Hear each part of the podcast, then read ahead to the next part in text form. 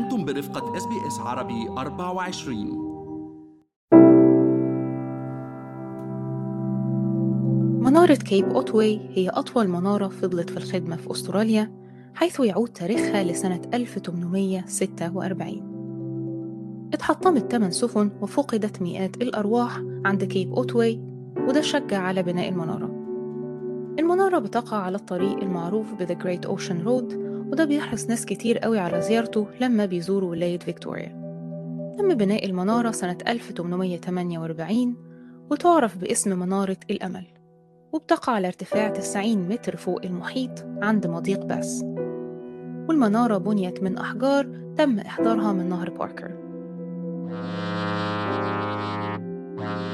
بالنسبة لآلاف المهاجرين في القرن التسعة عشر اللي قضوا شهور طويلة في المراكب في طريقهم لأستراليا كانت كيب أوتواي هي أول رؤية ليهم للأراضي الأسترالية بعد مغادرتهم أوروبا وأسيا وأمريكا الشمالية.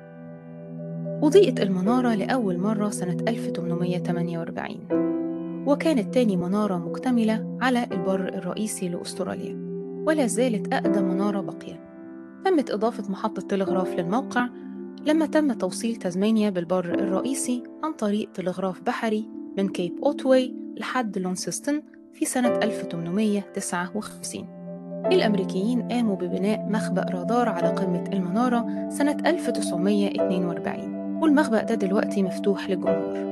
تم إيقاف تشغيل المنارة في يناير 1994 وتم استبدالها بضوء شمسي منخفض الطاقة قدام البرج الأصلي. في قاعدة المنارة توجد لوحة تذكارية بتفكرنا بواحدة من أكثر مشاهد الأجسام الطائرة المجهولة غموض. فريدريك فالنتيتش اختفى في 21 أكتوبر سنة 1978 بعد مشاهدته جسم غريب طائر وكان آخر اتصال لي لاسلكي بمنارة كيب أوتواي خلال فصل الشتاء ولحد فصل الربيع تعتبر المنارة نقطة مميزة لمشاهدة الحيتان البرية. لأن الحيتان المهاجرة بتعوم بالقرب من الشاطئ. حكيت لكم على منارة كيب أوتواي دينا عبد المجيد.